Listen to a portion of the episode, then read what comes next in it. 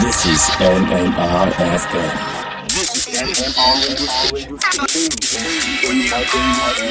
In a world where there is trouble, in a world where there is confusion, people running around seeking the Word of God, in a world where there are wars and rumors, in a world where there is trouble, viruses, in a world where people don't understand what is happening. Does Jesus care? Early in the morning on the Sabbath day of the Lord of 2020, 27th, our month is June. Our time is half past nine. We say, Does Jesus care where there is trouble? Does Jesus care when we are confused? Does really Jesus care? right here on MMR radio station. This is the only pastor, your host, your presenter, Pastor Mbele. Does Jesus care? When your heart is down, when your mind is locked, when the pains of this world come back to you, when the burdens are becoming heavier and heavier. does Jesus care? A song that gives you strength this morning, gives you hope that indeed Jesus does care.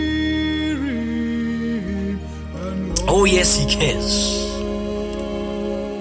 Oh, yes, He cares. Oh, yes, oh, yes He cares. I know He cares. When your members of your families are dying slowly but surely.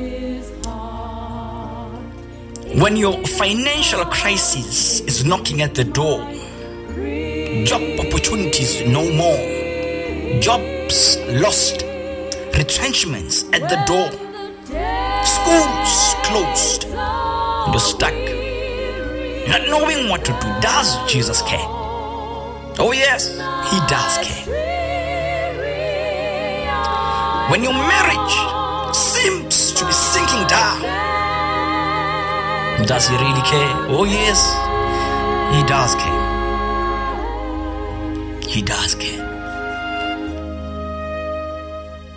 Whatever troubles you are experiencing as we speak early,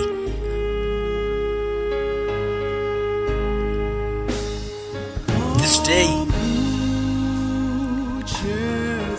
reminds you that no matter what you are experiencing, Jesus cares. Oh.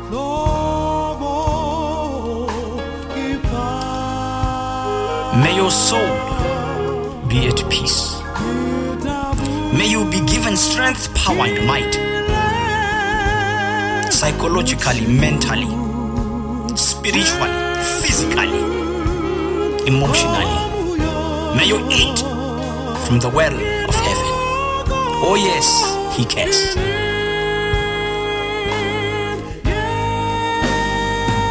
Wonderful song there.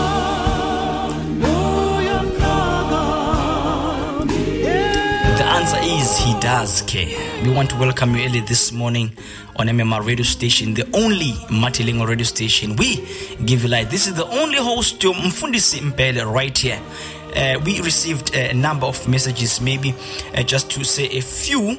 Uh, one, in fact, who was writing in request that we help uh, uh, the sermons to be given also on WhatsApp, and this is uh, WhatsApp.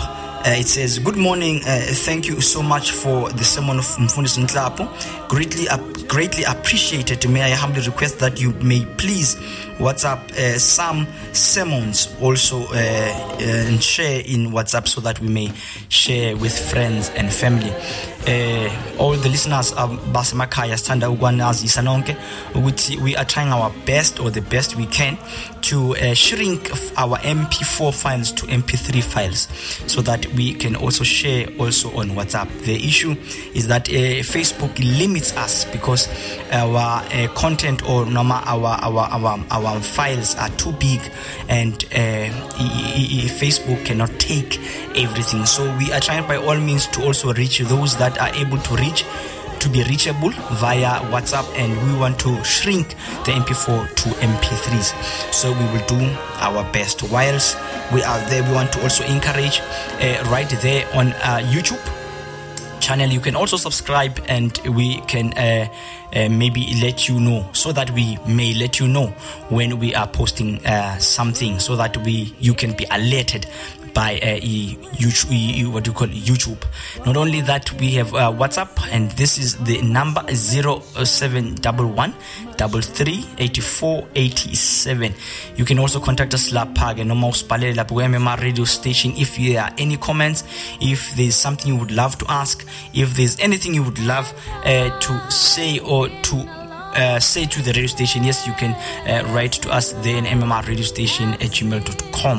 siyatholakala-ke lapha-ke ku-facebook you can also comment sibonge kakhulu with uh, those who are commenting on facebook on whatsapp on youtube may god bless you and this is for you we give you light this is the only multi, uh, multilingual radio station unkulunkulu sithi anibusisa our topic today uh, ithi the god who is still present owuNkulunkulu oh, osesekhona asingacabanga ukuthi uNkulunkulu akekho in this pandemic asingacabanga ukuthi uNkulunkulu angekho in your challenges in your predicaments that you are facing as families and churches and individuals whatever you're experiencing the God hey, that we trust in and that we believe in is still present topic yethu namhlanje by mfundisi nala minenhle nala what we want to do today we just want to give mfundisi isikhathi eside we just want to go dive into our proverb time lapho sifunda khona incwadi ka proverbs try to give words of wisdom as we live in life and then after that we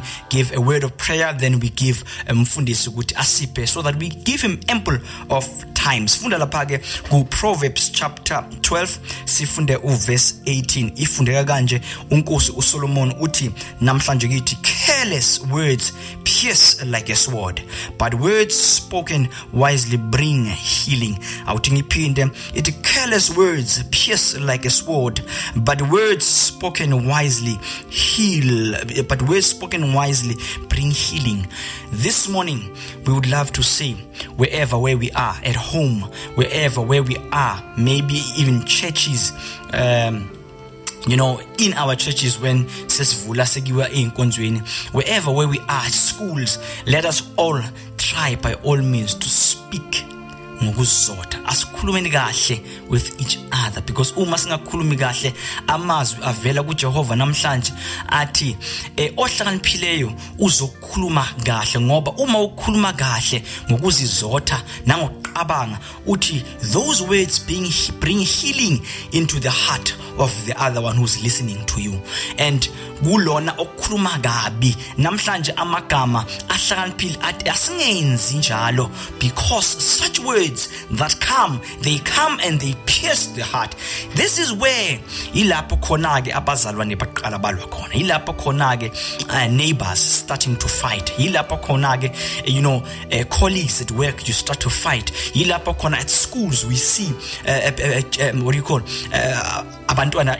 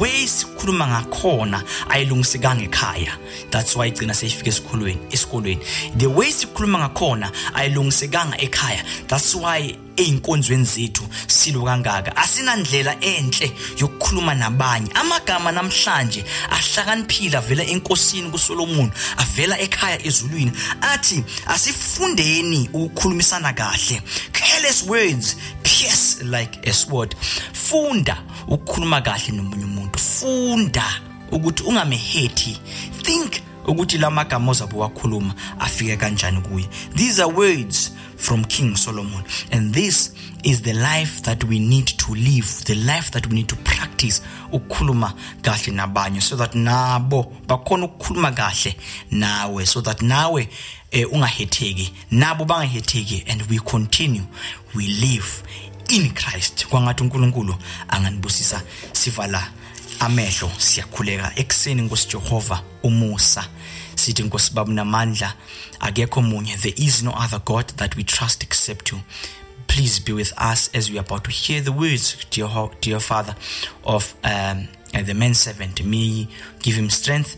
May you give him wisdom that everything is about to say. May you, dear Father, guide him. We pray in the mighty name of Jesus Christ. Amen. Revelation chapter 5. Now, it is interesting to know that this book was written um, to comfort the saints, it was written to give them encouragement as they were going through difficult times. Why? Because the book unveils a God who is still present in all that is happening in, in planet Earth. It, the book is written to unveil the presence of, of Jesus in the, in the midst of his people. It is written to to tell those who are going through difficult times that not all is lost because our God is is still in control. Now, come with me to the book of Revelation, chapter 4 and 5, because we cannot talk about Revelation chapter 5 without talking about Revelation chapter chapter chapter chapter 4. Now, it is interesting to note that um, Revelation chapter 4 talks about uh, the throne room that is found in heaven. And everything that happens, worship happens around the throne. The focus on Revelation chapter 4 is the throne. Everything happens in reference to the throne. Now, when, when the church is in bad shape, when the church is persecuted, John is taken up by the Spirit to the throne room of the universe. And when John gets to the throne room of the universe, John sees nothing but the throne. Now, it was not God who showed John the throne, but it was John who saw the throne. John got so interested and obsessed about the throne. Why?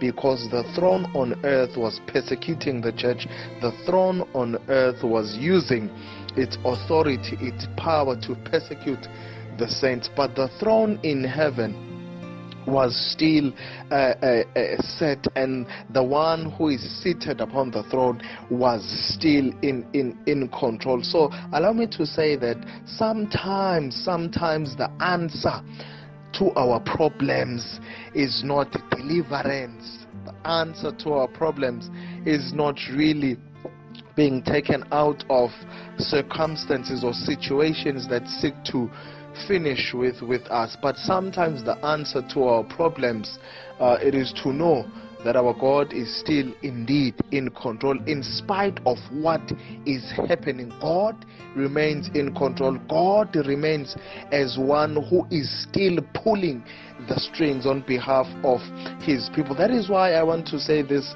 morning whenever we go through difficult times, let us rest assured upon the ubiquitous power of our God. Why? Because the throne in heaven is still in control. And when you get to chapter chapter 5 now the, the focus shift from from from the throne and and, and the angel appears and when the angel appears uh, it, it poses a question that brings tears in the eyes of John. Our crisis erupts in the throne room of the universe. All praises suddenly stops and everyone looks toward the center of the room. And the angel poses a question Who is worthy to open the scroll and to loose its seals? Now, no, no. The answer in, in, in verse 3 brings tears.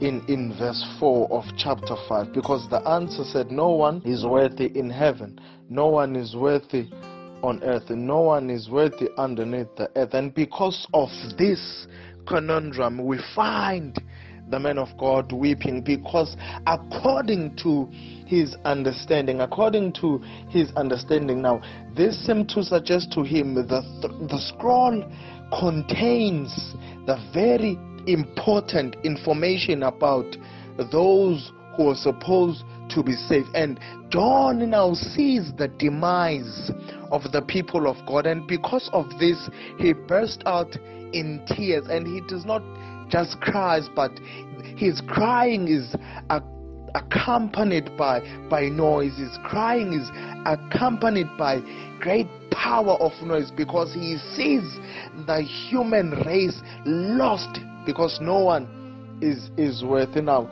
now allow me to tell you about the kings of the universe. The greatest men of the world are found not to be worth. You go to Egypt, they will tell you about King Scorpion the second, the one who was in charge of Egypt. He is not worthy. King Asikai the Great is not worthy. King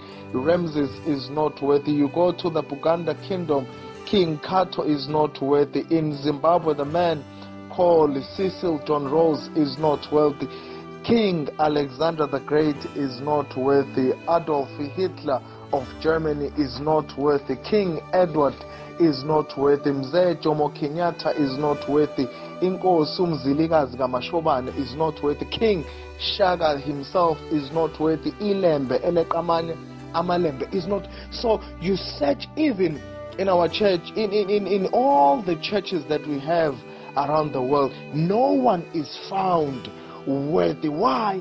Because the one who is found worthy ought to be the one who has conquered in all these places that are mentioned and and look look at the answer that is given to John by the elder the elder says to John as you are weeping the silence in heaven John finds himself weeping because the issue here is of a life and death crisis. Therefore, someone must be found worthy. And the answer that is given to John seems to suggest that John stopped weeping because the lion of the tribe of Judah has prevailed. In other words, the prevailing, that is the key word. This lion has conquered. And and and and the lion has found to be worthy to open the scroll and to loose its seals. Now, the picture that is painted here um, by John, obviously, those who have studied, uh, they will tell you that this is a paradox. This is an oxymoron because when, when John turns around to see the lion. He does not see the lion, but he sees a lamb. Because John does not have an experience with the lion, but John has an experience with the lamb. And and and, and as as we have as, as as I have just said that when, when when John turns around to see the lion, he sees a lamb. Now, these two animals in nature, they don't, they are not friends in, in simple terms, they are not friends. When a lion sees a lamb, it sees a prey for consumption. When a lamb sees a lion, it sees an enemy to run away from. But in the issues of redemption, it is the lion which is a prey to the lion. It is the lamb, rather, which is a prey to the lion that sets the stage for the lamb. Why? why, why, why, why?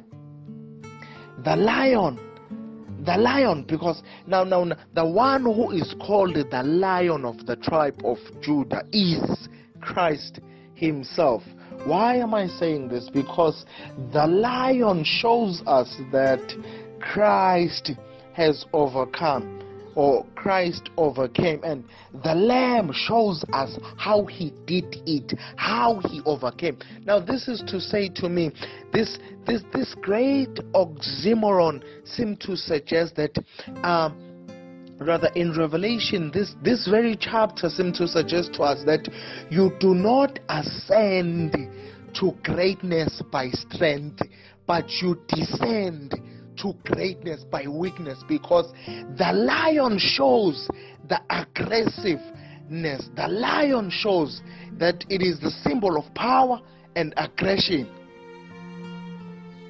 And then and then the lamb, the lamb shows us now that it is the symbol of strength in suffering. That is why one of the theologians one of the theologians has said that the knowledge of the cross brings conflict to the interest between a God who became man and a man who wishes to become God because Christ conquered as a lamb and Christ conquered as as as a lion but when Christ died he did not die as a lion, but Christ died as a lamb so that he will provoke a lion in himself. So when when when when things when things appear, brethren, to be working against us, when when things when everything is against us, we need to search for a God who appears as as a lion. We need to search for a God who appears as a lion. When when people at when people seem to det- to be determined by, about uh, breaking us, when when people scandalizes our name, God appears on our behalf and He roars as a lion of the tribe of Judah. But when we suffer from self-inflated pride, when when we suffer from uh, uh, things that when, when we suffer from self uh, deception, when we deceive ourselves, I, I, I'm tempted to say that Christ appears as, as a lamp because he appears as someone who is meek so that he will win our hearts. So, what am I saying this morning, brethren? I'm saying that in spite of what we are going through, in spite of what we are going through, our, our God is still able to come as a mighty lion that is revealed in in in in the book of revelation let me let, let me close by saying this one the mightiness of the lion is revealed through the vulnerability of the lamb in other words it is the lamb that empowers the lion why because the lamp is not a symbol of weakness, but rather the lamp is a symbol of strength in suffering. And that is why I'm saying Christ came to defeat the wrath of sin as a lamb in order to provoke a lion in himself. Therefore, this says to me the vulnerability of God is that he does not conquer through power nor strength, but he conquers through meekness and weakness. He keeps he, he keeps subjecting himself to that which is weak, and it is through weakness that God emerges. triumphantly. So, Revelation chapter 5 presents to us a suffering God in the passion of Christ, the cross that stands to protest against the suffering of the people of God, and as well as it promises that in spite of their suffering, God appears and He, he emerges as the champion of life through suffering. Revelation chapter 5 presents the boundless love of God that clashes with a world that is built upon hostility and violence. Christ in Revelation chapter 5, he presents a dialectical knowledge of God, a God who confronts the world of hostility in his weakness, a world saturated with violence. He says, I do not conquer through physical power, but I conquer through weakness. That is why I'm saying God approaches or confronts a world that is saturated with hostility and saturated with violence, and he conquers through weakness because he is the champion of life. Christ disturbs the order of the world that is saturated with violence by announcing God's forgiveness for a sinner and promises the poor people and welcomes the outcast stranger and calls them to repentance through him subjecting himself through weakness now what am i saying this this this very time i'm saying that our god is able to vindicate us in times of suffering our god is able to vindicate us in times of great in times of great in times of great magnitude our god remains the undefeated undisputed champion of love why because he subjected himself through weakness that is why i said to you brethren you do not ascend to power by strength but you descend to power